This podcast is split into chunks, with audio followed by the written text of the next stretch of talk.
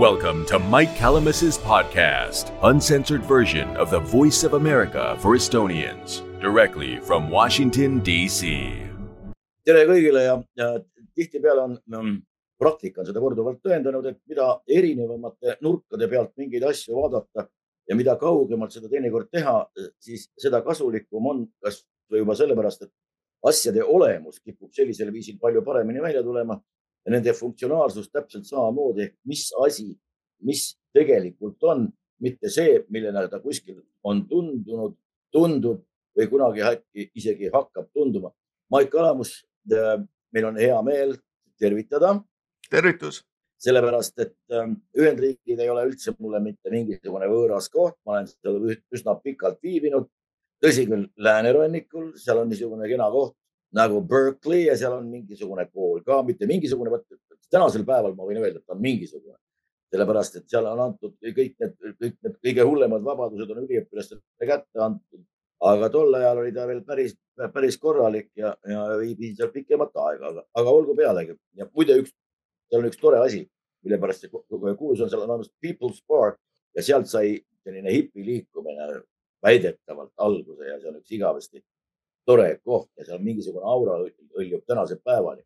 aga äh, hakkame pihta. ma kunagi tahtsin Edgar Savisaare käest küsida ja, ja lükkasin seda kogu aeg edasi ja edasi ja edasi äh,. kui ta enam ei olnud noh, ütleme siis suure tähendusega poliitik Eestis, vaid küsimus on imelihtne, kes tegelikult korraldab Eesti asju, kes valitseb siinset Äh, siinset seadusandlust, siinset korda, siinseid inimesi, siinseid ajusid, kui niimoodi võib öelda, sellepärast et tundub, et, et tihtipeale, et meil on Toompeal ainult Nukuteater ja Karabas-Barabas oma niidistikuga on tegelikult hoopis kuskil mujal.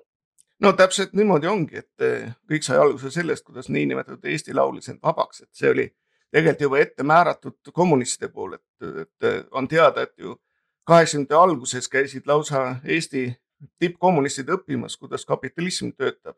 et see ei saa olla juhuslik ja samamoodi meile anti siis võimalus äh, laulda ja inimesed arvavad, et tänu sellele me saimegi vabaduse. aga kui vaadata edasi, mis siis toimus, oli see, et Eesti kuld ju, mis anti tagasi Eestile, see ju vahetati ju seekliteks, põhimõtteliselt anti välisarvelduste panka ja sealt saadi vastu siis äh, ühe, üks nagu siis üks nõuniku koht ja niimoodi, et keegi sai natukene seal raha, aga Eesti raha lihtsalt vahetati puulepalehtede vastu ära. teine asi on see, kõik need endised kommunistid vahetasid värvi, et noh, omaski tutvusringkonnas on inimesi, kes ennem olid täiesti veendunud kommunistid ja siis järsku üks päev olid nemad siis kõige suuremad Eesti eest võitlejad, aga noh, on näha ju, missugused nad on, et ega neil ju selgroogu pole, ainukene asi on see, kuidas enda taskutesse midagi toppida. et noh see on kõik nagu ette planeeritud. Eh, kes siis Eestit valitseb? noh, loomulikult mitte eestlased, et eh, kas Brüssel, isegi ma arvaks, et mitte Brüssel, seal taga on suuremad jõud, seal suuremad jõud on korporeidid, korporatsioonid, ülemaailmsed korporatsioonid, pangandus. Eh, ma ei hakka rääkima Rothschildidest, aga noh, kõik on nad ühes pundis. et ja sealtpoolt tulevad käsud, näiteks vähe on teada fakt, et kõik ministrid Eestis kui nad on võtnud oma ametikohustused vastu, esimene visiit on neil USA saatkonda. võite järgi uurida, see on täiesti äh, reaalne fakt. miks nad seal käivad, loomulikult nad saavad juhtnööre. Äh, teine asi on see, et äh, vaadake kliimahullust, vaadake neid koroonahullusi. kas eestlane ise tuleks siukse jama peale?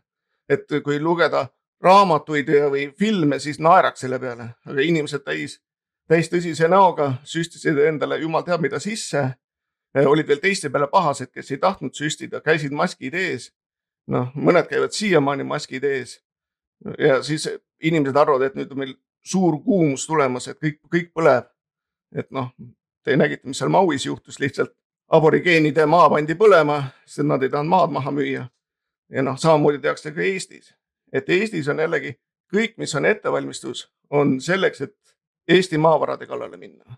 et see on jällegi, eestlased on kui te vaatate, mis, mis juhtus Ameerikas, kui äh, tulid valged siia, valgete vastu pole mul midagi, aga mida nad tegid indiaanlastega.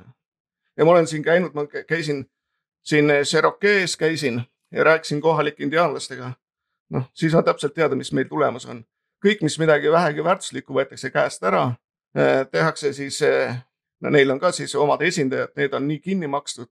Nemad oma rahvast üldse ei hooli ja, ja niimoodi ongi, et lõppude lõpuks oled sa seal kas küngaste vahel või oled kuskil kõrbes ja sa, sa ei oma midagi, oled noh, õnnelikud nad ei ole, nii et, nii et kes Eestit valitseb, ma arvan, et seal taga on äh, VEF on suuresti samamoodi nagu USA-s äh,. kui vaadata, mis siin USA-s toimub.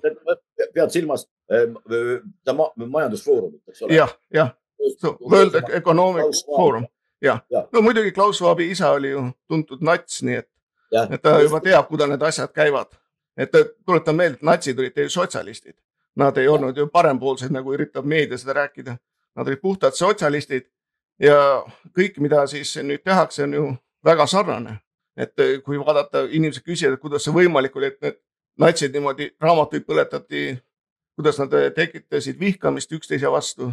noh, tänapäeval on täpselt seesama nii et noh, mina arvan, siin taga on eriti just rahavõim, et on näiteks üks näide on veel see, et see oli Ghana, Ghana siis äh, võttis vastu seaduse, et äh, homopropaganda pole lubatud.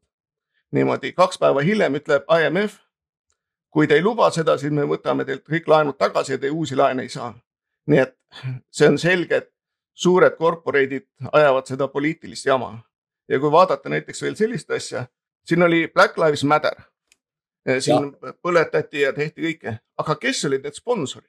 sponsorid olid, sa võisid võtta järjest, need on needsamad, kes andsid raha nii demokraatidele ja needsamad, needsamad firmad, kes istuvad siis World Economic Forumis. nii et eh, noh, siin, on paralleele nagu väga kõvasti tõmmata ja muidugi Black Lives Matter on puhas marksistlik, kommunistlik liikumine. muidugi ta on registreeritud veel firma, nii et ta teenib kasumit, jah äh, ma mäletan see, äh, üks mm, nii-öelda käilakujusid sealt BLM-ist äh, oli üks maadamm, kes millegipärast kogu selle BLM-i liikumise taustal sai kogemata jõukaks ja siis ostis sinna, äh, kas mitte Los Angeles, seal on niisugune Palos Verdes poolsaar, kus on ümberringi noh, niisugused suhteline valge ümbruskond. ei, sinna ta viie miljoni eest ostis endale siiski mingisuguse ka no, maja no,. Ei unustata ennast, mul tuli kohe meelde, kui Zürichis Lenin oma seltskonnaga juhatas äh, põrandaalust tegevust, siis ega, kus toimusid kõige koosolekud, need toimusid kõik eranditult parimates bordellides ja parimates restoranides. rahapuudust ei olnud. kõik varustati äh, ohtralt ainult ühe eesmärgiga Venemaa tükkideks teha. no oligi kõik ja täpselt samad jälle maavarad ja kõik see ja, ja niisugune mulje, et tõepoolest meie puhul kipub jääma jah, ja inimesed arvavad seda, et ameeriklased on meie suured liitlased ja head. Olles elanud Ameerikas, ma näen seda igapäevast suhtumist, see ei tähenda, et nüüd ainult demokraadid, vaid ka republikanid täpselt samamoodi, kui ma kokku saan ja räägin nendega. Nende mõtteviis on imperiaalne ja nende mõtteviis on kohe esiteks on see, mis kasu mina sellest saan. nii et kui, kui oli siin nüüd Nursipalu jutt, noh, Nursipalu on nüüd käest läinud, sest et tegelikkuses ju juba rohkem kui viis aastat tagasi kirjutati selle lepingule alla, et sinna tuleb USA sõjaväebaas ja veel baasi juures on see asi, et seal kehtib ainult USA võim, et seal ei ole mitte mingit Eestit ja neil on õigus võtta tasuta nii palju Eesti maad, kui tahavad selle lepingu järgi, baaside lepingu järgi.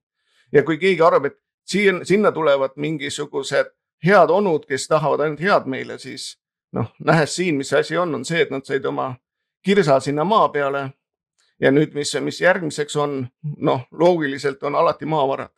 maavarad on Eesti, inimestel on Eestis nagu piimaga, lapsepiimaga sisse joodetud, et me oleme vaesed, meil pole mitte midagi. tegelikult Eestis on meeletud maavarasid, mida pole kasutusele võetud. Õnneks ei ole kasutusele veel võetud, aga see peaks olema ikkagi eestlaste vara, mitte siis ütleme välisokupantide oma, et ma ei taha USA kohta okupant ütelda, aga niimoodi nad on käitunud üle maailma, et vaadake, mis juhtus Liibüas, eh, mis juhtus eh, Afganistanis, ega keegi ei läinud sinna midagi head viima ja samamoodi eh, siis toimub ka tulevikus Eestiga. no ja ega neid, neid sõdu vaadates, ega Kartaago tuli ka, kui ajaloost räägitakse, siis kõik, väga paljud teavad seda väljendit, et Kartaago tuleb hävitada. aga jäetakse ütlemata see viimane jupp, mille pärast tuleb hävitada, aga sellepärast, et nendel kasvavad sellised oliivid ja nemad neid oliive väärt ei ole, ainult meie oleme neid oliive väärt ja juba sellepärast tuleb ära hävitada. no aga nii, nii see ajalugu käib, et võetakse sealt, mis, mis vajalik on, mis hetkel kasulik on ja pärast siis noh, küll sealt mingisuguse vabanduse me leiame. et see on mingisugune ja siis leitakse mingisugune demokraatia ja meil on muide Eestis üks uus termin ilmunud välja, kus kaasarääkiv demokraatia, see on mingi demokraatia jälle mingisugune erivorm, ei ole isegi mitte liberaalne, aga kaasarääkiv. olgu sellega e, igal juhul see BLM tegi ka oma muidugi karuteene Ühendriikides valimistel aga no, nii palju vähemalt on, et Ühendriigid ei ole siiamaani võtnud oma seda e-valimist kuidagimoodi arsenalisse. aga siin on küll ja tundub, et e-valimiste taustal, no midagi ei ole teha, ma ei ole mingisugune vandenõuteoreetik, aga need numbrid, mis tulevad ja see valimiste käik ja kõik see, no see jätab mulje, et keegi on hoovastiku juures. no selge see ju, kes on siis Smartmaticu taga, et kui vaadata omanike ringi, siis seal on ka meie suur sõber Soros. et Soros loomulikult ju ajab oma liberaalagendat, et esimesena ma räägiksin USA-st, et arvasid, et Eesti, et Ameerikas ei ole e-valimisi, aga siin on natuke teistmoodi. siin on masinad, mis kuuluvad muidugi Smartmaticule jällegi, mis on Venezuela firma ilusasti. ja, ja mis see teeb, see masin siis loeb hääli ja annab lõpuks teada, kui palju siis keegi sai hääli automaatselt. loomulikult eelmistel valimistel need masinad töötasid Bideni kasuks, aga midagi teha pole. teiseks, mis seal oli, oli see nüüd, et republikanide ütleme sellistesse maakondadesse, kus olid rohkem nagu siis konservatiivid, seal masinad läksid rikki, nii et kümnest masinast ainult üks töötas ja siis inimesed ootasid seal tunde-tunde, et hääletada ja noh, suurem osa ei saanudki hääletada. et noh, ja, ja mis, mis siin veel on, on see koroona ajal siis saadeti kõikidele koju siis paberi peal hääletamissedelid niimoodi. ma ise käisin selle äh, läbi. kui ma tulin Ameerikasse, mul oli vaja äh, saada autojuhilube. siis ma ei olnud muidugi kodanik. Äh, läksin siis kohalikku nagu Eesti mõistes arki, seal sain paberid korda, aga mul oli märgitud, et ma olen valija ja ma ütlesin neile, et oi-oi, et mina ei ole valija kindlasti, mitte ma pole kodanik, sellepärast ma ei saa olla. ahah, väike viga, näpukas, aga see oli automaatselt pandud sinna. nii et kõik need hispaaniakeelsed inimesed, kes siia riiki tulevad, nad ei saa niikuinii sellest keelest sinna ameerika keelest aru kohe alguses, kui nad oma külast tulevad. ja automaatselt nemad lähevad siis kõik valijateks. see oli vähemalt siinsamas Marylandis ja ma usun, et igal pool on neil täpselt sama süsteem. ja nüüd said kirjadel, said kõik oma siis hääletussedelid kätte ja lihtsalt pidid postkasti panema. sealt muidugi tuli välja seda, näiteks Philadelphia's oli ju kolm korda rohkem hääli tulnud sisse, kui oli välja saadetud ja sealt tuli veel välja, nüüd, nüüd on viimaste andmetel tulnud, seal oli sadu tuhandeid surnud inimesi, kes olid seal juba saja kahekümne, saja kolmekümne aastased, aga nad olid ilusti valinud ja midagi teha ei ole. kes Pence, Mike Pence, tema keeldus sellesse asjasse vaatamast ja tema sertifitseeris valimistulemused, nii et tema on üks süvariigi esindajatest, kes siis lasi selle pettuse lõput läbi. ja tulles Eesti juurde, Eesti on ju alati olnud selline innovatiivne riik, aga tegelikult on ta katselabor olnud. jah, kaks tuhat neli, kui hakati pihta selle Smartmaticu eh, siis eh, tootega. ega see oli koheselt selge, et see on absurdne, et mul enda tuttavad olid need, kes eh, programmeerisid seda ja õleklaasi taga nad ikka rääkisid, kui, kui läbipääsmatu, läbinähtamatu see süsteem on. nii et sinu hääl konverteeritakse põhimõtteliseks koodihädaks mida tagantjärgi pole võimalik eh, kontrollida. ehk näiteks kui Kaja Kallas saab näiteks kakskümmend neli tuhat häält, siis ei ole mitte mingi võimalusega võimalik vaadata, kes need olid, kes hääletasid. see on ainult see, et eh, see on nagu kasiino, et sa paned sisse tsetooni ja siis loodad, et siis see mäng on aus. et noh, kindlasti ei ole see aus. kui ennem siis mängiti prots väikeste protsentidega ühtepidi, teistpidi, eh, kus välja tuli siis noh, et ikkagi reform jäi sinna võidu poole peale, siis nüüd oli reformil selline jama kaelas, et neil oli vaja palju teha. palju liigutada neid numbreid. et sellepärast nad niimoodi ütlesidki, et paberhääled ei loe, et ootame ära siis e-hääled. niimoodi, kui vaadata e-hääli ja vaadata seda nüüd eh, nagu Reform ise ütleb, et nende põhiliselt on edukad ja siis noored annavad neile hääli. aga vaadake statistikat. statistikas on täpselt sama vanuseklassid, mis on ka EKRE-l, aga paberitega oli näiteks seal Mustamäel oli, seis oli üks-ühele, aga kui vaadata e-hääli, siis see vahe oli, kui ma mäletan õieti, kolme-neljakordne. noh, mitte üks inimene, kes statistikat natukene õppinud on, saab aru, et see ei ole reaalne, et see on puhas võlts, et ma saan aru, kui oleksid erinevad inimesed on, erinevad vanuseklassid olnud. aga kui samad vanuseklassid on ja siis näiteks veel üheksakümne aastased sada protsenti ikkagi hääletavad kõik reformi poolt. et ma mõtlen ise, et kui mina te, proovisin seda nüüd e-hääletust teha, ma pidin mitu korda uuendusi tõmbama, lõpuks pidin seal veel uue selle lugeja ostma. et ma ei saa aru, kuidas üheksakümne aastased Eestis nii targad on, et suudavad seal äh, mõne minutiga kõik selle asja ära teha. noh, ja on, on selge see, et selle asja mina isiklikult veel võtan üles, meil on plaan siin MTÜ-ga Konservatiivne Eesti anda see asi kõik kohtusse, väliskohtusse. Äh, Eesti kohtus ei ole mõtet anda. et see asi kõik veel korra lahti tõmmata ja näidata, et niimoodi ei saa edasi. jah. olen kuulnud, et siia on ka mingisugune seltskond kokku tulnud, kes on isegi välja rehkendanud mingisugused eh, ano, täielikud anomaaliad nendes valimistes. aga ma ei ole praegu hetkel kursis, kui kaugele nad minna tahavad või mismoodi nad seda kõike kavatsevad kasutama hakata, aga olgu pealegi. kogu nende e-valimiste kvintessents minu jaoks on, mul oli üks sõber, kes äh, oli jõukas inimene, ta kahjuks lahkus mingi viis aastat tagasi või neli, neli aastat tagasi. temast jäi maha vend vend ei olnud elus eriti hästi edasi jõudnud, vaatas tihtipeale pudeli peale ja ta maksis hooldekodu koha eest elu lõpuni, maksis kõik ära ette kinni. ja mina käisin kunagi tal külas mõned aastad tagasi. Ütlesin, kuule, kallis sõber, et aga kuidas teil valimised käivad? tõmbas vaikselt suitsu, ohkas ja ütles, ah, meil juhataja teab. no siin ongi siis no, selle, see kvintessents koos meil juhataja teab, temal teab juhataja, seal teab keegi operaator, seal teab keegi sidevend, seal teab keegi veel, igal juhul keegi kuskil teab, teeb ja ja, ja, ja kuidagi niimoodi toimetatakse. ja teine aspekt on sellel veel, sellel asjal, see e-valimised on võtnud ju enda arsenaliga millegipärast siinsamas kõrval asuv Venemaa, keda siunatakse ükskõik mis positsioonist ta teeb, teeb valesti, teeb õigesti, jätab tegemata, teeb topelt, igal juhul on süüdi, igal juhul on halvasti, igal juhul.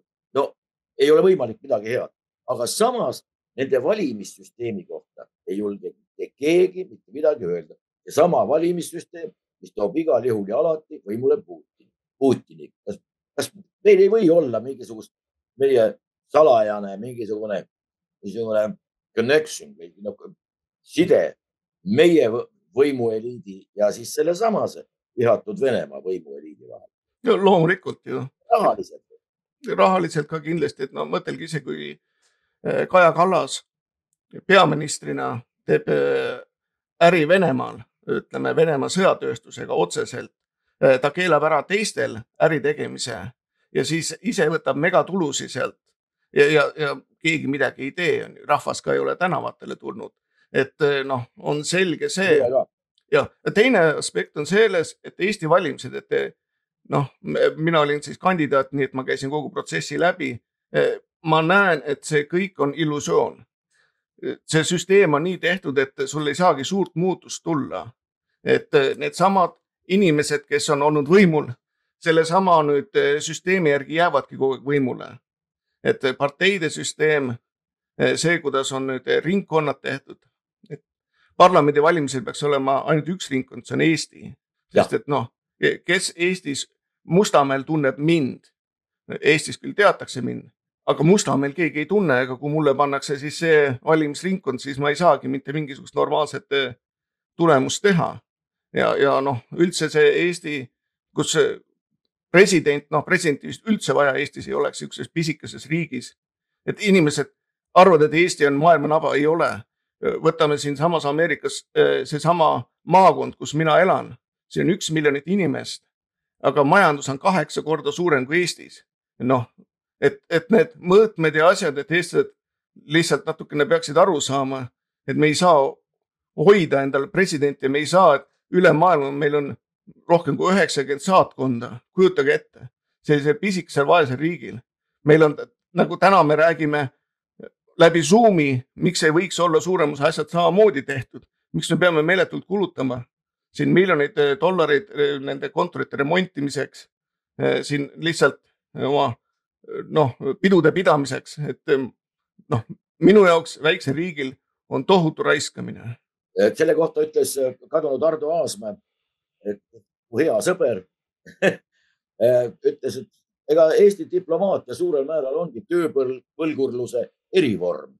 see tähendab, noh, et see võimaldab väga hästi toime tulla ja noh, ja mitte pahasti toime tulla. see võimaldab kindlustada ennast igas mõttes väga hästi ja, ja selles mõttes ega keegi ei eelda sult mingisuguseid töö tulemusi või, või keegi ei küsi su käest, et no nii, mis on su aruanne, mis aasta jooksul on tehtud, mida olete saavutanud. meil on kõik protsessipõhine, ei, me oleme käinud seal nõupidamisel ja seal kohtunud ja oot-oot-oot, see on kõik väga tore, aga mida te olete saavutanud? nüüd, kui Vene sidest oli korraks juttu või sellest ähm, võimalikust sidemest, rõhutame võimalikust, ma, ma ei saa siin midagi väita, aga arusaamatu on need inimesed, kes omal ajal tegid kõige vilkamat koostööd Vene ametliku võimuga. ma mõtlen kasvõi Veeb Fondi asjus. teada on, kus Venemaale raha läks. meie inimesed võtsid sealt välja kõik. fakt on see, et enne näiteks kasvõi Siim, Siim Kallase puhul, fakt on see, et hoiukassade peavalitsusest ta taheti kinni panna. Bruno Saul oli see inimene, kes läks isiklikult ja võttis ta no nii-öelda käendusele lõpetati kõik asjad, aga see käis kõik Moskvas, see käis kõik ja kui oleks näiteks seesama Moskva oleks huvitatud noh, halba tegemist.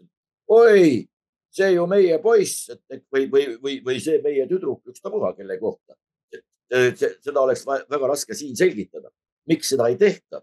üks võimalikest seletustest ongi see, et siiamaani las ta olla, on, on kasulik sellisena, nagu ta on no.. jah, noh, mina olen siin käinud, ütleme poliitikutega kohtumas ja oleme palju rääkinud sellest ja mis mulje mul on, on see, et poliitika on nagu maffia ja eriti Eestis on kõik see asi nagu maffia.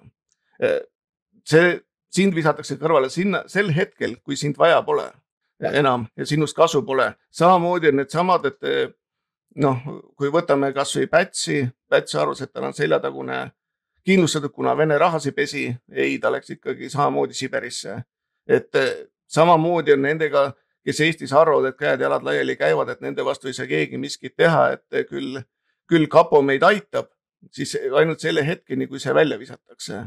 et muidugi noh, jällegi kui võtame seda, kes Eestit tegelikult juhib, siis kohapeal on kindlasti juhtnöörid on kapo käes. kapo, kapo võtab inimese ette, ütleme, protsess on juba karistus. noh, samas kui inimene sõidab purjus peaga jääb otseselt vahele, siis ta naerab näkku ja läheb minema, sest ta teab, et kapo kaitseb teda. aga muidugi ainult sinnamaani, kuni ta on kasulik ja samamoodi Vene luurega ja samamoodi ka siis äh, Ameerika luurega, CIA-ga. ega see teistmoodi ei ole. on täpselt see, et sinnamaani, kuni sa kasulik oled ja praegusel hetkel on Kaja Kallas kasulik neile, et sellepärast neid maha ei taheta võtta. et äh, selle, sellega ma lõpetan selle koha. nii, aga nüüd on üks niisugune äh, põnev teema. ma teen väikse sissejuhatuse. see on ka isiklikust kogemustest. siin oli hiljaaegu see suur skandaal, et Nõukogude Eesti lipp pandi Smuuli äh, bareljeefi kõrvale sinna kirjanike maja seina peale ja siis tuli trahv ja mõtlemata nüüd selle peale, kas see trahv oli õige või vale, oli nagu on, aga räägitakse okupatsioonist. ma tahtsin isiklikult kindlaks teha, äh, et kas no mul on taust, on filoloogi taust, õigemini sotsiolingvistika.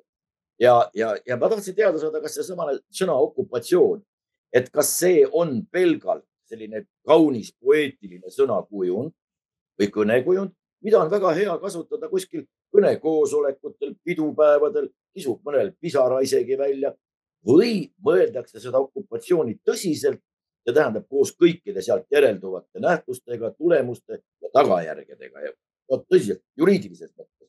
Äh, Eesti kohtuvõim ütles selgelt kõige kõrgemal tasemel, Eesti Vabariigist mingit okupatsiooni olnud ei ole, muide, ei ole.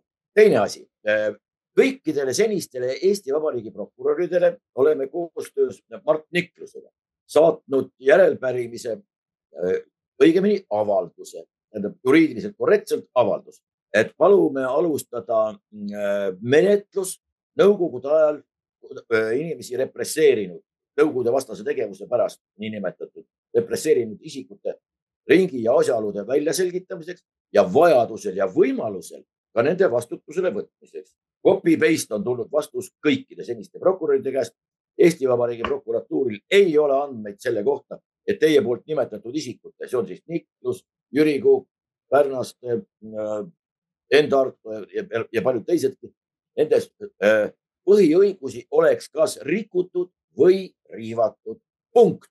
see tähendab, et kõik toimus õigesti, pole siin midagi uurida ja kõik need, kes omal ajal töötasid repressiivaparaadis, need on praegu õiged inimesed, naudivad oma tihtipeale ka kõrgendatud pensioni. muide, mis alusel üldse noh, kollaborantidele ja endistele surveaparaadi või selle jõuaparaadi inimestele pensioni makstakse, see on arusaamatu, aga no nii see meil on.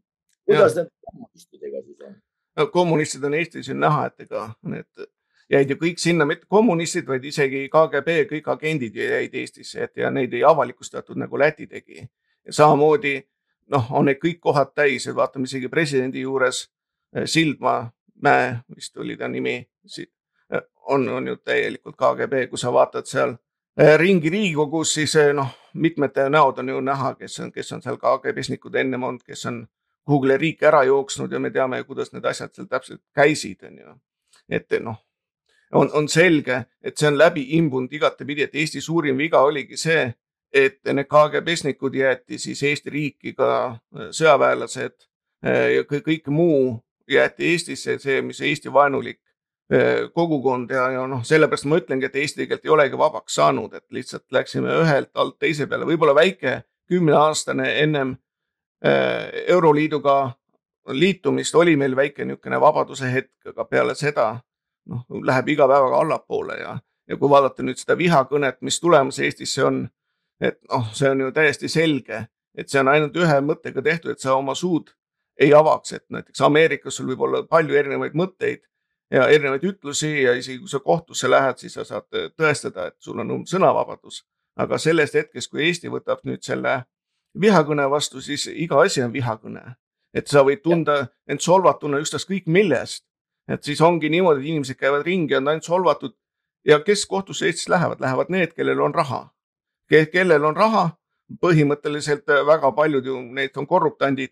noh, kui, kui vaadata seal äh, noh, näiteks ministreidki Eesti ministreid ja nende sissetulekuid või noh, mitte sissetulekuid, vaid eh, kus on nad aktsiad ja kui palju nende aktsiate väärtused on. No siis on selge, et see inimene ei saa ju seda niisama, talle on antud need aktsiad selleks, et ta konkreetselt midagi neile ära teeks. et noh, see, see selline, sellisena näen mina seda asja. ei no nii, nii ta ongi, eh, korruptsioon Eesti mõistes, ta ei ole ju klassikaline selles mõttes, et keegi tuleb, nii, ma tahan seda krunti saada või ma tahan detailplaneeringut, siin on miljon, kaks või, või kolmkümmend. ei, meil ei käigi need asjad, meil käib, no kuule, on hirmsasti on vaja, noh piltlikult öeldes. kingsepp läheb äh, kordumajja, ta saab seal hinnaalandust, sellepärast et kordumaja tüdrukud tulevad tema juurde saapaid parandama.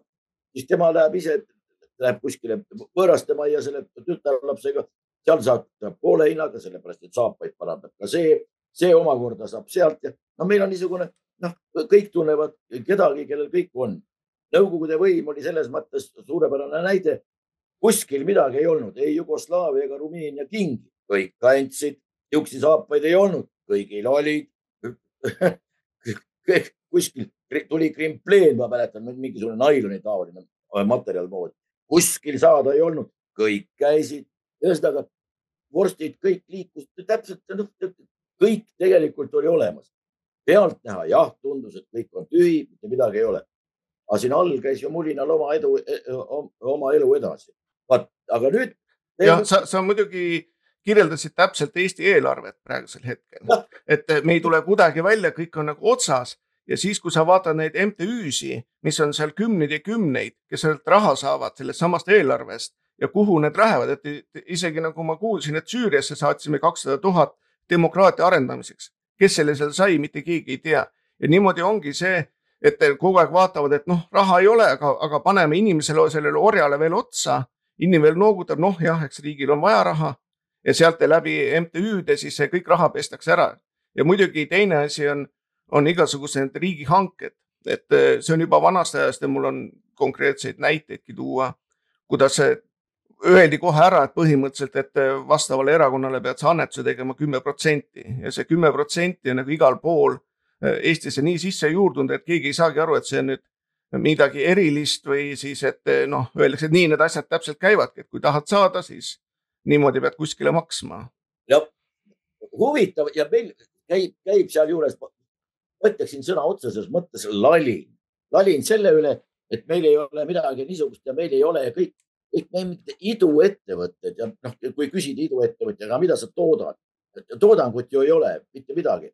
Tallinna Tehnikaülikoolil praegu on minu teada neli kehtivat patenti, see on Tehnikaülikool Venemaal antakse igal aastal sisse ja, kinnitatakse üle kahekümne tuhande. Hiinas üle kolmekümne seitsme tuhande. tähendab, noh, meil on neli ja, ja need on ka aastate tagused, ei toimu mitte midagi. ma, ma, ma toon veel ühe näite, isiklikult olin tunnistajaks. minu poole pöördusid endised õppejõud, insenerid, no tõesti sõna otseses mõttes õppejõud ja insenerid ja neil oli valmis tehtud sealägast, tähendab, see sealäga on, sigalast tuleb sea seesamane väljaeele, millega ei ole mitte midagi teha, sellepärast et põldudele teda ei pane, kuna seal on seedimata umbrohuseeme ja see hakkab uuesti kasvama. no tuhat jama.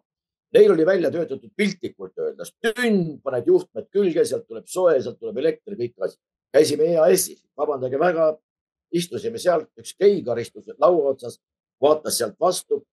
nii, mis teil on? ahah, ütlesin, et vot, et niisugune, niisugune seadmed on ja niisugune aa ei, aga kas midagi IT vallast ei ole? no mis IT vallast, no et see on konkreetne siis pistis pea sisse keegi, mingi tütarlaps ütles, kolmandal korral sul on Jaanakis, Jaanikese sünni või Jaanakese sünnipäev. või me peame nüüd minema hakka, siis läks uus, uuesti uksest lahti. kuule, ma tõin su keemilisest pintsaku ära, et no, et vanad intelligentsed härrasmehed vaatasid otsa, ütlesid mulle vaikselt, läheme minema. ja siis ma otsisin Soomest ühe oma tuttava üles, kolme kuu pärast oli katseeksemplar Soomes valmis ja praegu taadid käivad, sõidavad riigist riiki, puhkavad palmide all, on kindlustatud ja Soomes kogu asi käib ja toimib. see on üks pisikene näide sellest, mismoodi noh, meil on jutt mingitest idudest ja mingitest, mingitest raamatupidamise skeemidest, kuidas tekitatakse nullidele mingisugused, mingi number ette, mis, mis kogu asjale nagu sisu annab. sisu tegelikult ei ole. nii käib ja madalad pidid seejuures veel maksud olema. see on täpselt samamoodi täielik bluff.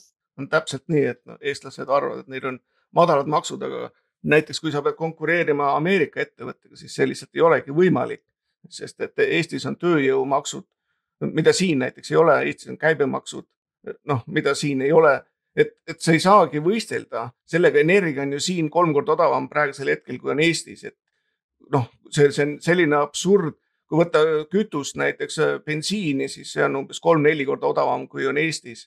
E, noh, sa ei saagi Eesti kliimat vaadates, et, et noh, selliste maksudega see kõik on aetud nüüd kahekümne aastaga täiesti ummikusse ja ainuke asi, mida nad mõtlevad seal seda, et mis uusi makse teha. aga, aga näiteks selle peale mõtelda, et arendaks tööstust, nad ei tahagi, nad vist tahavadki, et inimesed oleksid vaesed. E, siis vaata, vaene ei vaidle vai-, vaene ei lähe tänavale, vaene hoiab kümne küünega oma toolist kinni, võib-olla on isegi nõus natuke valetama ja mõtled, et noh, küll see läheb minust mööda, et küll siis me saame hakkama jälle. aga, aga no sellises variandis nagu praegusel hetkel, noh, siin on ainult katastroof tulemas, katastroof ongi käes, lihtsalt paljud ei saa aru sellest, mis, mis seal Eestis juhtunud on. et noh, vaadake kasvõi, vaadake näiteks väikest eh, Islandit, et inimesed ütlevad, et noh, kuidas see, kuidas on võimalik, et seal nii tugev majandus on? number üks asi on odav energia. kõik maailma riigid, kes on rikkad, on selle peale väljas, et odav energia oleks, see on kõige alus. aga kui Eestis on sul üks maailma kallimaid elektreid, noh, siis on selge, et see, see pärismaalane noh, jääbki vaeseks, ta ta see on maksustatud vaeseks, seesama elektri hind Eestis ju koosneb ju maksudest. ja samamoodi see tõmmatakse dividendide välja, mis on jällegi maks tegelikult. et noh, CO2 maks, seal on veel, ma vaatasin, neid oli nii palju erinevaid makse, mis sinna elektrile otsa lähevad, et noh, no see hirm tuleb peale, siin näiteks ei lähe sul praktiliselt mitte ühte maksu ei lähe sul elektrile peale, noh, kui ma räägin inimestele, et Eestis tuleb maksta käibemaksu näiteks ka meditsiini ja laste toidu, laste riiete eest, siis inimestel on suu lahti, et noh, et see ei ole lihtsalt reaalselt võimalik. et, et eestlane esiteks peab hakkama, inimesed küsivad, miks ma räägin nii negatiivseid asju. ei, ma lihtsalt tahan, et inimesed saaksid aru, see hetk, kui inimene saab aru, mis seisus ollakse, siis ta saab ka midagi ette võtta. ja noh, ettevõtmiseks, ega sinna ainult saab inimene ise teha, tuleb minna tänavatele. sellest ei ole kasu, kui sa kirjutad äh, mingisuguse kommentaari sinna Facebooki. sellest ei ole reaalselt mitte mingit kasu, tuleb jällegi, nagu ma olen ütelnud ennemgi Islandilt, võtta eeskuju. kaks tuhat seitse sai inimestel kõrini sellest jamast, nad läksid seal tänavatele, nad olid kaks päeva tänavatel. valitsus astus tagasi, sealt läksid eh, mitukümmend inimest läksid vangi selle eest seal. see oli siis poliitikud läksid vangi, mõisteti süüdi, tehti uued valimised, said õiged inimesed võimule. vot samamoodi tuleb ka Eestis teha, see, see hääletamine, see valimine on ju täiesti naljanumber. me rääkisime ennem sellest e-valimistest, noh, see on, see on täiesti kasiino, kus sul ei puu-, kus sul ei ole mitte mingisuguseid kontrolli, mis, mis sealt nüüd välja tuleb. et see on, see on minu nägemus. Islandiga on see asi, vaata, aga siin peab mingisugune sisu ka olema. Sellepärast, et ma, mul tuleb esimesena kohe meelde Islandi tursasõda, mida peeti Inglismaaga muide. ja siis oli Inglismaa tõi oma sõjalaevad, tõi kohale sinna rannikule ja äh, Islandi kalurid läksid oma kalalaevadega nendele vastu. Ja tulemuseks oli lõppude lõpuks suur skandaal meelet, meeletu vastus, vastuseis, asi läks ikka rahvusvaheliselt puutuv väga-väga suureks. Ja tulemus oli see, et mida nad tahtsid, kas neljamiilist endale ainult rannikuala, kus nemad ainult võivad püüda, mis on täiesti loomulik. tursapüügist oli jutt ja, ja said hoopiski kümme korda rohkem. inglane tõmbas oma saba jalge vahele, suur impeerium kunagi, kolm neljandikku maailma maismaast tema oma maailma meredel ainult Inglise lippu näha võiski. palun väga, nüüd pisike Island näitas neile koha kätte. see ongi see. Nad oleks võinud ka öelda, et oh, mis meie väiksed väetikesed.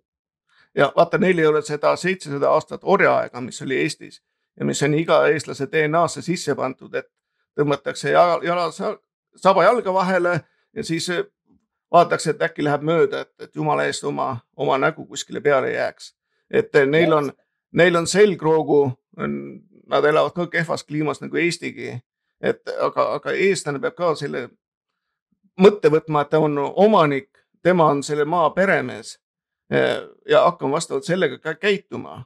et miskipärast kõik, kõik kardavad, ka kardavad näiteks Eesti diplomaadid, kellega ma olen kohtunud. Nad, nad kardavad teha poliitikat, öelda otse välja asju et neil ei olegi mingisugust selgroogu ja nii ei saagi Eesti kuskile miskit. Ja kõik toob meile ühe jama veel kaela, vabandust, see võib-olla natukene lameda väljenduse eest, aga see on tsensuur.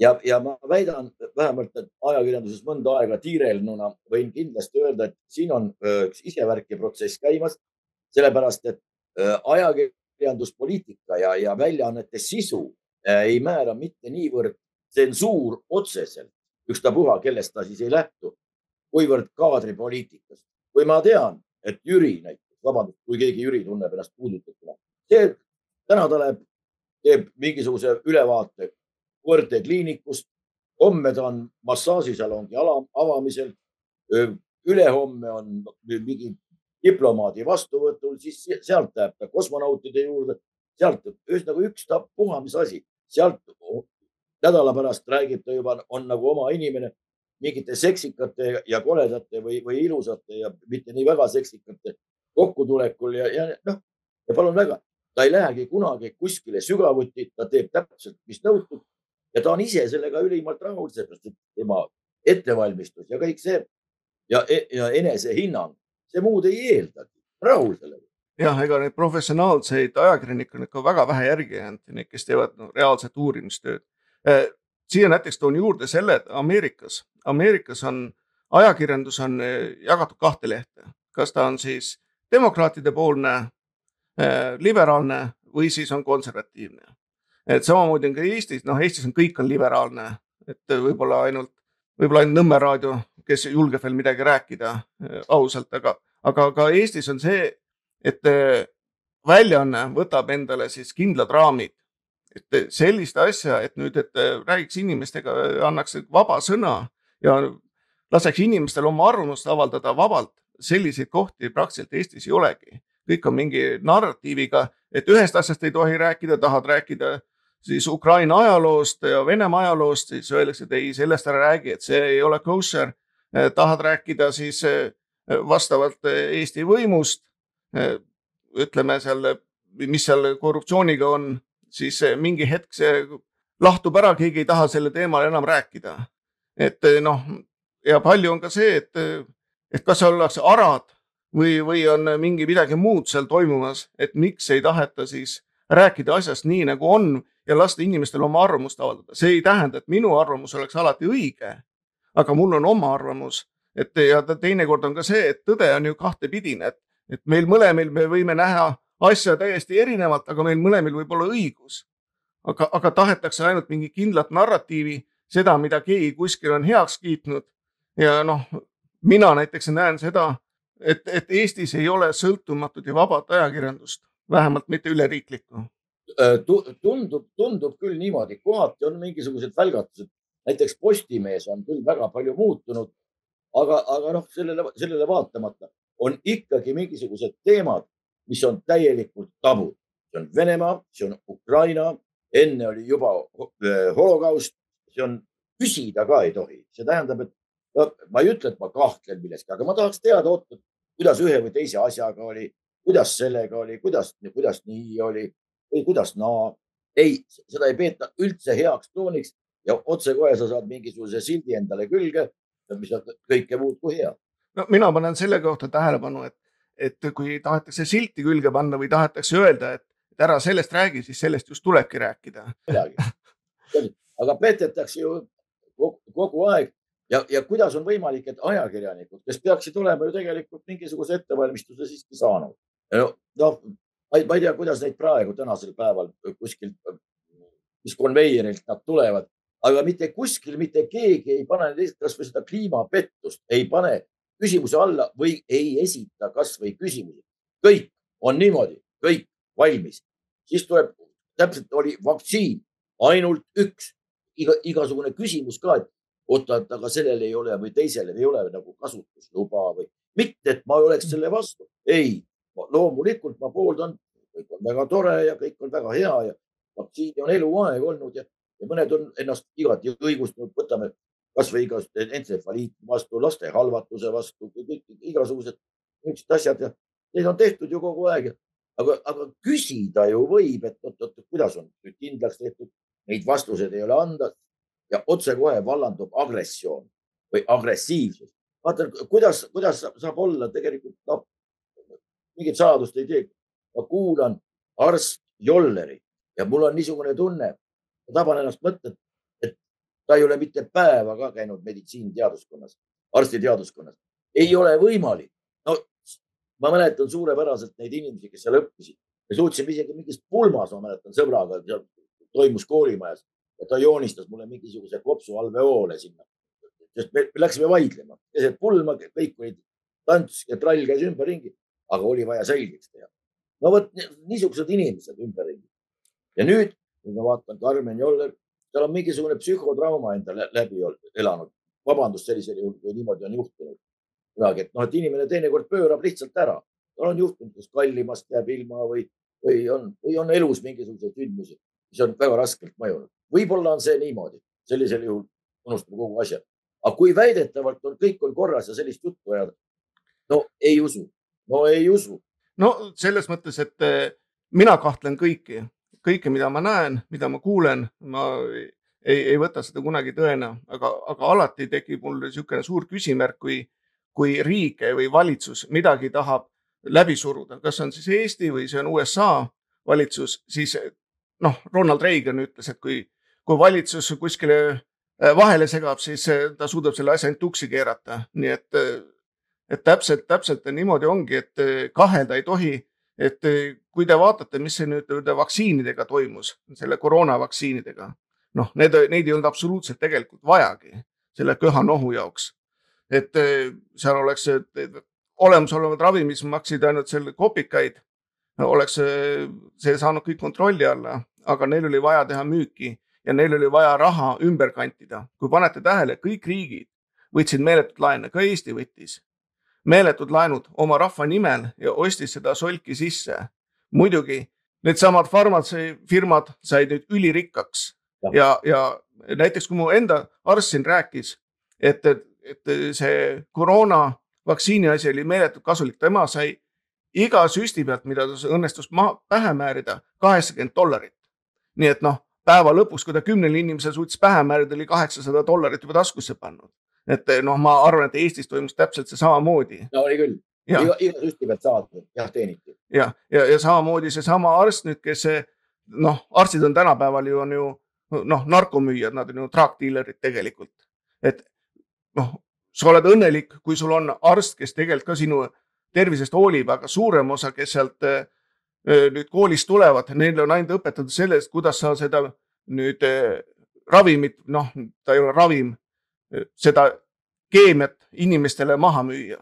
näiteks ma võin endale rääkida seda, et mulle seljavalud olid, kirjutati mulle kangeid rohte selleks, keeras mao tuksi, nii siis mul sõber, minu treener soovitas mul minna siis nõelravisse, noh, ma arvasin, et nõelravi on noh, niisugune pool naljaasi. aga sellest ma võin, no nüüd äh, rohkem kaks aastat möödas, mul ei ole niisuguseid suuri seljavalusid enam olnud ja ma ei võta mitte ühte tabletti. nii et, äh, et arst peaks ikkagi hoolima esiteks sinu tervisest ja noh, nagu ta on, et mis on inimesel vajalik, et siin elus läbi lüüa, tal on vaja head arsti, kes tema tervisest hooldab Eh, siis on vaja teada, kuidas finantsidega ümber käia ja kolmas, tal peab olema isiksus, et kui sul kõik need kolm asja on, siis elus lööd läbi.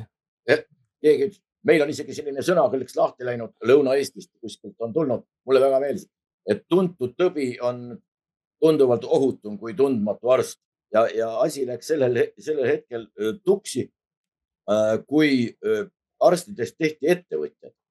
ta hakkas ettevõtjaks ja, ja siis tuligi välja, et äh, patsiendid said järsku klientideks, aga nüüd, kui vaatad kliendi ja teenindaja huvisid, siis need on risti vastukäivad.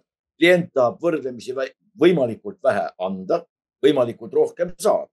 vastupidi, kliendi teenindaja võimalikult vähe anda ja võimalikult rohkem saada. huvid on risti vastupidised, aga tegelikult peaksid olema ju ühes suunas nii arst kui patsient peaksid soovima ju seda, et mõlemad on, saavad, saavad terveks ja, ja, ja on, on kõik suurepärane. muide Hiina keisrite puhul oli niimoodi, et arst sai palka ainult siis, kui keiser oli terve. kui oli haige, siis oli järelikult midagi teinud valesti. ja reeglina lõppes muidugi, pea läks, rändas omaette kuskile ja keha kuskile mujale, aga, aga niimoodi oli, ainult sellisel juhul sai palka. no no vot ongi, ega meil tahetakse ju kooliga täpselt sedasama teha. õpetaja kui kliendi teenindaja ja klient õpi, õpilane täpselt samamoodi, huvid risti vastupidised peaksid olema ühesugused. Aga noh, kellele sa seda juttu hakkad rääkima, sellepärast et sa saad otsekohe sildi külge. sa oled kas kellegi agent, kellegi jutupunktide kordaja, teadagi kelle noh, ja, ja, ja, ja, ja mida, mida sa, mida siis selle kõigega peale, peale hakkad. täpselt samamoodi see, see kliimapettus ongi ju ehitatud sellele. tegelikult kunagi oli sõimusõna õhumüüja. see tähendab, et sa ei saanud tegelikult mitte midagi. aga nüüd on õhu müümine, vabandust, omandanud konkreetse sisu ja see ongi õhu müümine. sellega saadakse rikkaks, väga rikkaks ja väga paljud jäävad sellega vaeseks. vaatame siia Eestisse, mis, mis juhtunud on. täpselt nii ongi tehtud jah, mulle CO2 väga meeldib, et tema paneb ikkagi eh, taimed kasvama eh, looduslopsakamaks, et eh, kui inimene, see on üks järgmine teema. inimene on nii egoistlik, et tema mõtleb, et tema ongi jumal. see tähendab seda, et inimene arvab, et tema suudab siis mõjutada kliimat, maailma, kõiki neid asju. võib-olla noh, inimene, kes elab siis eh, linnas, Tallinna linnas näiteks seal korteris, noh, tunneb seda näiteks diislilõhna, mõtleb, et näe, kui, kui hull on see, kuidas me maailma tagurpidi keerama. ei ole inimene on väike, väike sipelgas, veel väiksem sipelgas on muidugi maakera võrreldes päikesega ja, ja nüüd arvata keegi, et tema suudab siis päikse kuumust nagu siis reguleerida, noh, see on ikka täiesti absurd ja inimene arvata, et tema nüüd suudab nüüd selle loodusega midagi peale hakata. ei, kui isegi inimene keerab selle saastamisega, saastamine on teine, teine teema CO2-st ja kliimast, suudab selle maakera tuksi keerata, siis loodus jääb ikka edasi, inimene võib ära kaduda, loodus jääb edasi. noh, mina või seda võid nimetada jumalaks või mida iganes, aga, aga see on minu nägemus inimesest, et inimesed arvavad, nad on kõikvõimsad ja arvavad, et nad on hästi targad. aga kui sa paned näiteks neid elama näiteks kakssada aastat tagasi olukorda, suurem osa sureb ära neid. Nad ei oska isegi, isegi kartult ei oska kasvatada, nad ei oska suurem osa süüagi teha ütleme limiteeritud asjadest. loodus ilma inimeseta saab suurepäraselt hakkama, aga inimene ilma looduseta paraku ei ole võimalik. nii lihtne see tegelikult ongi. nii täpselt on. nii aga tuleksime veel, meil on pisut, pisut aega riivamisi. siit jätab küll, vot kuna ma äh, Ukraina pressi ja neid amet, isegi ametlikke teadaandeid loen nende enda keeles ja ja, ja algallikatest, siis ma olen enam-vähem kursis sellega, mis on toimunud seal Bidenitega. kuidas see Ühendriikidest paidab, sellepärast et no Burisma on teadupärast selline kompanii Ukrainas, mis on energiakompanii, kütustega tegeleb kõikvõimalikega. Sinna osteti sisse Hunter Biden, kelle õnnetu laptop jäi kuskil töökotta ja minust hakkas tulema kõikvõimalikke sellist sisu, no mida, mida, mida no ei, ei mõtle isegi õudusfilmis välja, aga olgu pealegi selle purismiga sealt pesti raha sinna ja kuni sinnamaani välja, et vana äh, Joe Biden käis Kiievis ja ütles, et niimoodi, et ei näe mingit miljardit. kui te Šokinit, Šokin oli peaprokurör, kes hakkas seda purisma aega, asja uurima, sealhulgas ka Hunter Bideni osalust selles ja kõiges. kui seda homseks ei ole maha võetud, siis te seda miljardit ei saa. järgmiseks päevaks oli Šokin maha võetud. no jah, no seal oli veel palju rohkemaid asju, et see Burisma on ainult üks jäämäe tipp, mida inimesed näevad. et näiteks see on täiesti avalik info, võite minna kongressi kodulehe peale uurida. Eh, olid seal olemas sellised eh, biolaboratooriumid ja need biolaboratooriumid tegid siis koostööd Seneca, ma ei mäleta täpselt, mis see pikk nimi oli, ees oli Seneca, mis kuulus Hunter Bidenile. Ja neid oli seal kümneid ja kümneid, et väidetavalt nemad siis tegelesid eh, vanade Vene siis biorelvade kahjutuste tegemisega, aga noh, see tänaseks hetkeks on teada, et see on ka vale jutt, sellepärast et tulid välja dokumendid, et CIA käskis biolaborid USA-st välja viia, siis viidigi vastavalt Hiinasse ja siis Ukrainasse, kuna Ukraina on noh, nii korrupeerunud riik, et seal võib kõike teha. Et, et see ja neid äriasju veel rohkem ja rohkem, mis seal tuleb, seal on näiteks BlackRock ostab seal siis põllumaad ülesse praegusel hetkel. Äh, tegeletakse siis äh, homopöördega seal, noh, see, see kõik, mis seal on, on puhas korruptsioon, samamoodi ma võin rääkida üks äh, Ukraina, kes siis isik, kes töötas siis korruptsiooni vallas Ukrainas, tema on täiesti äraostmatu isik kui ma sain kokku, siis ta rääkis, et talle eestlased ei meeldi, küsisin, miks. ütles, et läks Tallinnasse, oli kohtumine, oli eh, ühe partei, mille nimeks oli E kakssada, väga juhtiv isik, tuli tema juurde ja esimene küsimus oli, noh, teeme äri ka. et tal tõmbas suu nii lahti, et tema tuli rääkima sinna tervishoiust.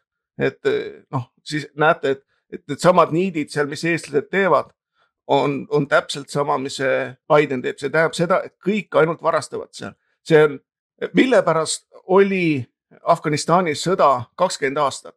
kahekümne aasta jooksul nad ei saanud jagu siis viiekümne kolme tuhande äh, siis isikuga äh, armeest, mis oli siis Talibani armee, mis, mis äh, siis käisid seal eeslitega ringi ja neil olid vanad siis AK neljakümne seitsmed USA on ainukesena avaldanud, et tema kulutas sinna kahekümne aastaga kaks triljonit dollarit. ja kuhu see raha kõik läks? see, see kõik oli tehtud ainult selleks kopotiks, et maksuraha ümber kantida ja see, mis Ukrainas on, kõik tahavadki seda, et see sõda jätkuks seal, et see ei lõpeks. et sest nii kaua saab seal siis nagu Eestiga aitab seda miljonitega, teeb sinna lasteaedu igasuguseid muid jamasid. kõik on ju selge, et see suurem osa raha läheb kõrvale. näiteks seesama Slava Ukraini, noh, sellest kuuest poolest miljonist siis. kus see uurimine jõudnud on, mitte kuskile, ei alustatudki. noh, sest et eh, kapol pole huvi, nii et siit jällegi tuleme välja seda, kes Eestis, kes Eestis kohapeal seda võimu teostab, see ei ole sul valitsus või riigikogu või siis see eh, inimene, kes käib hääletamas, et sellest kapot ei ole keegi valinud võimule, samamoodi nagu sedasama eh, VEF-i, see Klaus Schwabi, Sorost, mitte keegi kunagi pole valinud. aga vaadake, kui palju võimu neil on. või võta Bill Gatesigi, näiteks nüüd on ju selge, et Eestis ju süüakse nüüd ju seda putukapuru, mis sinna jahu sisse pannakse. et Euroopa Liidus ju võeti vastu seadus, et kui on kuni, ma, kui ma õieti mäletan, kakskümmend protsenti on äh, jahu sees seda putukapuru, siis see on okei okay,, et seda ei pea isegi pakendi peale enam panema. Proteiinikes ja väga tervislik vot siin ongi ma käisin Hiinas kunagi ja siis nad itsitasid seal noh, varjamatult, mul on seal mõningad sidemed peaksid olema vist tänase päevani. aga, aga see oli väga tore, rääkisin sellest sitika söömisest. näiteks samane Mao Zedong, endal suur juht ja enne teda isegi Zhou Enlai. Nemad, nemad, nemad toitusid väga tervislikult. kõige, kõige parem oli kas sea või loomaliha potikeses koos kartulid ja sibulad ja kõik niisugune soustiga ja väga tervislik ja muide tohutult maitsev niisugune potiroog. ja ma ütlesin, aga sitikud, no sitikud, sitikutega teeme jutu juurde ja see, see läheb eurooplastele ja loomulikult ka ameeriklastele. ja kõik see, kõik see feng shui, seda on müüdud ju eriti edukalt, mis tegelikult ei tähenda ju mitte midagi muud, et sind maetakse viisil, et kui sa lähed ükskõik millisena, keegi seda jumalat ette kujutab läheb sinna, siis ta tunneb su ära näoga ettepoole, tähendab talle, see ongi kogu feng shui. ei, aga siin on pandud, et mismoodi peab üks pott olema või kas see ööpott peab olema suurema või väiksema, õhema või paksema kaanega ja nii ühesõnaga minnakse ükskõik kuhu, aga tekitatakse endale mingisugused arusaamad millegi kohta, millest tegelikult algsest tähendusest aimu ka ei ole. jah, no selle putuka asjas on veel see asi, et ütleme, kui Aasias on seda söödud tuhandeid aastaid, siis meie menüüs ei ole seda kunagi olnud seda ja meie ei seedi seda läbi. nii et inimese soolestikul see tohutu kahjulik.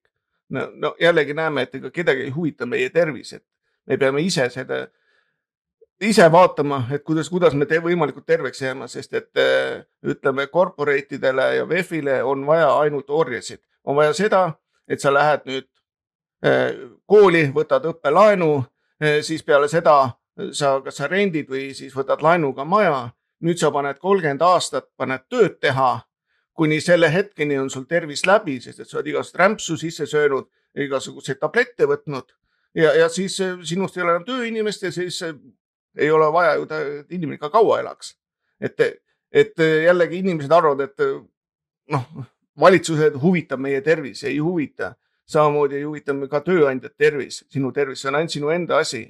kogu nende mõte on see, et sina oleksid see sibelgas seal sibelga pesas, kes ei mõtleks palju ja kes rabaks tööd teha nii, et eh, noh, tuli välja see tervis läbi. see, see tundub, kuidas USA majandusseis praegu sealt koha pealt tundub? no praegult on see silmnähtavalt nüüd, mis siin oli, kui siin eh, kaks tuhat kakskümmend eh, koroonapaanika alguses pandi ju siin ju täiesti olid, siin on ju noh, eesti sõna ma ei teagi täpselt, aga lockdown'id olid. meil oli niimoodi näiteks siinsamas Marylandis ja DC-s, et kaks nädalat sa ei tohtinud üldse õuegi minna. kui sa läksid kuskile, pidi sul olema propusk kaasas, et miks ja kuhu sa lähed. tõendatud propusk. siin isegi linnud, ma, ma ei näinud, linnudki ei lennanud, et ma, oli täiesti nii kinni, siis pandi kõik ütleme väikeettevõtted, väiksed restoranid pandi kinni, jäeti lahti ainult McDonaldsid, Burger Kingid ja Walmartid, kõik väiksed poed pandi kinni, et et seal, seal te saate haiguse, Walmartis muidugi ei saa, et seda ärge muretsege. noh, ja sellega meie maakonnas näiteks kaheksakümmend protsenti väikeettevõtetest läks pankrotti. see siin oli, kui sa käisid linna peal ringi, see oli nagu halvas filmis, et noh, pluss ega see PLM ka ei aidanud palju kaasa, sest need ka põletasid siin seda ja kuna on rahutused, siis ju kindlustus välja ei maksa. et kindlustus maksab ainult siis, kui keegi huligaan ühe kivi aknasse viskab, aga kui see sul tühjaks röövitakse siis sa ei saa mitte midagi. et noh, see, see pauk oli siin nii suur, et noh, ütleme nüüd, kui see kevad hakkas jälle majandus natuke tõusma, aga jällegi eh, Biden tõstis makse ja nüüd on näha, et järgmiseks aastaks on oodata majanduslangust ja seda ka ütles eh, oma kõnes Donald Trump nüüd eelmine nädal, ütles, et see on vältimatu, et majanduslangus tuleb, et näitajad on nii kehvad, inflatsioon on nii suur et siin ei ole muud varianti, et noh, kui me näeme praegu, et Venemaa majandus tõuseb ja Euroopa majandus ja USA majandus kukub, noh, et see, siit tuleb ainult katastroof ja kes, kes seda kannatab, on tavainimene.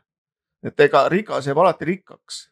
jah, seda küll, aga vähemalt äh, ameeriklased on ikka nii palju kavalad nad on olnud või tähendab, nad on ikka oma agendat ajanud ja selle õnnetu eurooplase nad on ikkagi suhteliselt noh, majanduslikus mõttes küll out'i mänginud ja, ja, ja midagi ei ole teha, sakslane, see BASF näiteks, no tohutud keemiakontsernid ja, ja paljugi muud veel. Need on viidud juba Saksamaalt välja, sinnasamasse Hiinasse muide, mida siunatakse ja jõu, ei jõutagi ära kiruda. sinnasamasse on viinud ja, ja selles mõttes on USA olnud ikkagi no, enda huvide eest on väga tublisti seisnud. Euroopa on sisuliselt out'i mängitud. jah, noh, eks me ju teame kõik, kuidas Biden lasi siis õhata selle Nord Streami, et siin noh, nüüd ei ole enam kellelgi mingit kahtlust, et kuna Saksamaa ei tahtnud seda USA mängu mängida, siis pandi nad lihtsalt äh, fakti ette ja võeti neil lihtsalt gaas käest ära, et äh, USA muidugi ise siin Biden on teinud palju halba, ta on pannud siin palju nüüd äh, maardlaid kinni. talle ei meeldi süsi, talle ei meeldi siis nafta, et neid on pandud järjest kinni. ja samas oleme me oma strateegilisi varusid näiteks Hiinale müünud, et noh, see on see on, kõik on nii absurdne, mis Hiinast nagu rääkida, on see, et nad ei ole ühe, ühinenud mitte ühegi siis keskkonnakaitse paktiga. see tähendab seda, seal tootmine ei lähe mitte millegi, sa ei pea CO2 maksu maksma, sa ei pea saastetasusid maksma, seal äh, ei ole ka pensioneid, mida sa peaksid inimesena maksma. Äh, seal ei ole muidugi ka arstiabi, tasutada arstiabi, seal on, kõik on puhtalt tasuline. et, et Hiinas on ideaalne, no seal ongi, sul on palju sipelgaid sul on äh, vähe, on sul punast teipi ja sa saad selle toota mida iganes tahad. ja paljudes äh, olukordades ka Hiina valitsus subsideerib, näiteks kui vaadata, äh, kuidas toimib Aliekspress ja teised need, ütleme online firmad, nende saatmiskulud katab suures osas Hiina riik kinni. sellepärast saavad, saavadki nad seda odavat rämpsu üle maailma saata nii, nii suurtes kogustes. no nii käibki aga Ühendriikid muidugi seal on tuhat jama ja, ja, ja kõik, aga siiski nad on osanud enda eest kuidagimoodi, kuidagimoodi seista ja, ja kuidagimoodi selles mõttes no enda huvi. no tegelikult, no mis siin imelik on, America first. no iga riigi juht peaks ütlema, et temal on, kellel on Ungari esimene, Eestis peaks olema, et minul on Eesti esimene. võiks ja, ja, ja peaks niimoodi olema kui meil ikka põhiseaduse järgi asjad käivad ja siin ei ole midagi taunitavat. täpselt samamoodi venelane ütleb, et Venemaa kõigepealt ja Hiina ütleb, et aga meie kõigepealt. mis, mis siin imelik on, selle riiklik käitumine peakski ju olema. no selles mõttes on tubli, nad on, nad on oma, oma sellele niisugusele joonele kind, kindlaks jäänud. Ameerika üks suur pluss on siin ütleme meeletu turg. ütleme, kui siin on ikkagi üle kolmesaja viiekümne miljoni inimese raha käib siin kiiresti ringi. teenused, ütleme, maksud on ka ju pisikesed siin võrreldes Euroopaga või noh, Eestiga ei saa nagu mitte midagi võrrelda, et e, siin on, ütleme, kuigi need väikefirmad läksid pankrotti, me näeme, need tekivad jälle järgmised uued, inimestel on nii palju ettevõtlikkust, et e, nad tahavad midagi teha e, ja siin on võimalus, et siin võid sa iga väikse asjaga võid sa endale väikse business'i teha. samamoodi näiteks inimesed Eestis on küsinud, et millega ma tegelen, et kui nad saavad teada, et et ma ei olegi mingisugune äpi või siis idufirma, tegelinski, vaid tegelen lihtsalt äh, sõna otseses mõttes äh, kommertsköökide puhastusega, siis vaatavad, noh, aga kas sa siis ei, ei oskagi nagu ühtegi äppi teha. ei, ma teen seda, mis on reaalselt olemas, mille tulemust ma reaalselt näen ja seda teenust, mida, mida on vaja. et lihtsalt üritan olla parim omas, omas valdkonnas tegelikult siin ta on, siin ongi kogu see lahenduse võti. Olemegi paremad selles, mis me oskame, mida me teame ja mida tegelikult, tegelikult vaja on, aga mitte ei loo, loo endale mingisuguseid raamatupidamislikke skeeme ja, ja ükstapuha nimetame neid MTÜ-d või mis nad kõik on, mis lõppkokkuvõttes ei tooda mitte midagi ja ainult omanikele mingi aja möödudes garanteerivad mingisuguse sissetuleku, kõik, punkt. aga riiklikus mõttes on see täielik null jah, no Eestis on ju veel see asi, et Eestis on ju nelikümmend protsenti tööealistest isikutest on ju, saavad riigi eest palka ehk nad ei tooda mitte midagi. et Eestis peaks olema väga lihtne, peaks olema ainult ütleme nagu USA-s on kolm protsenti töötab riigi heaks. ütleme Eestis oleks võib-olla viis protsenti, hästi odav elekter, et meil on oma, oma energia olemas, kui võtame maksud pealt maha, ongi meil odav elekter, laseme maksud alla ja noh, inimestele ei meeldi see, et, et mina räägin, et ettevõtetel peaks ikkagi olema tulumaks. ma ei tea, miks Eestis niimoodi mõtlevad, oleks viisteist protsenti, ükstaskõik, maksad selle maksu ära, võtad selle raha välja, teed, mis tahad sellega. see elavdaks kõik äh, riiki ja riigi majandust. et mida rohkem sa tõstad seda maksu, seda vähem jääb äh, raha ringlusesse. et võtame näiteks käibemaksu, Eestis on vist veel kakskümmend protsenti põhimõtteliselt mõne korraga, kui see raha käib ringi, on see raha juba läinud vereringest. Et see, see on juba riigile ära läinud, nii et seda raha enam ei ole. aga selge, kuule, aga äh, oli, oli, oli väga meeldiv, meie aeg on otsa saanud ja, ja kuulajad-vaatajad mitte ka üle koormata. võib-olla jätame mõne asja kunagi tulevikuks ka veel alles. jah. teeme niimoodi, kõige parem. nägemist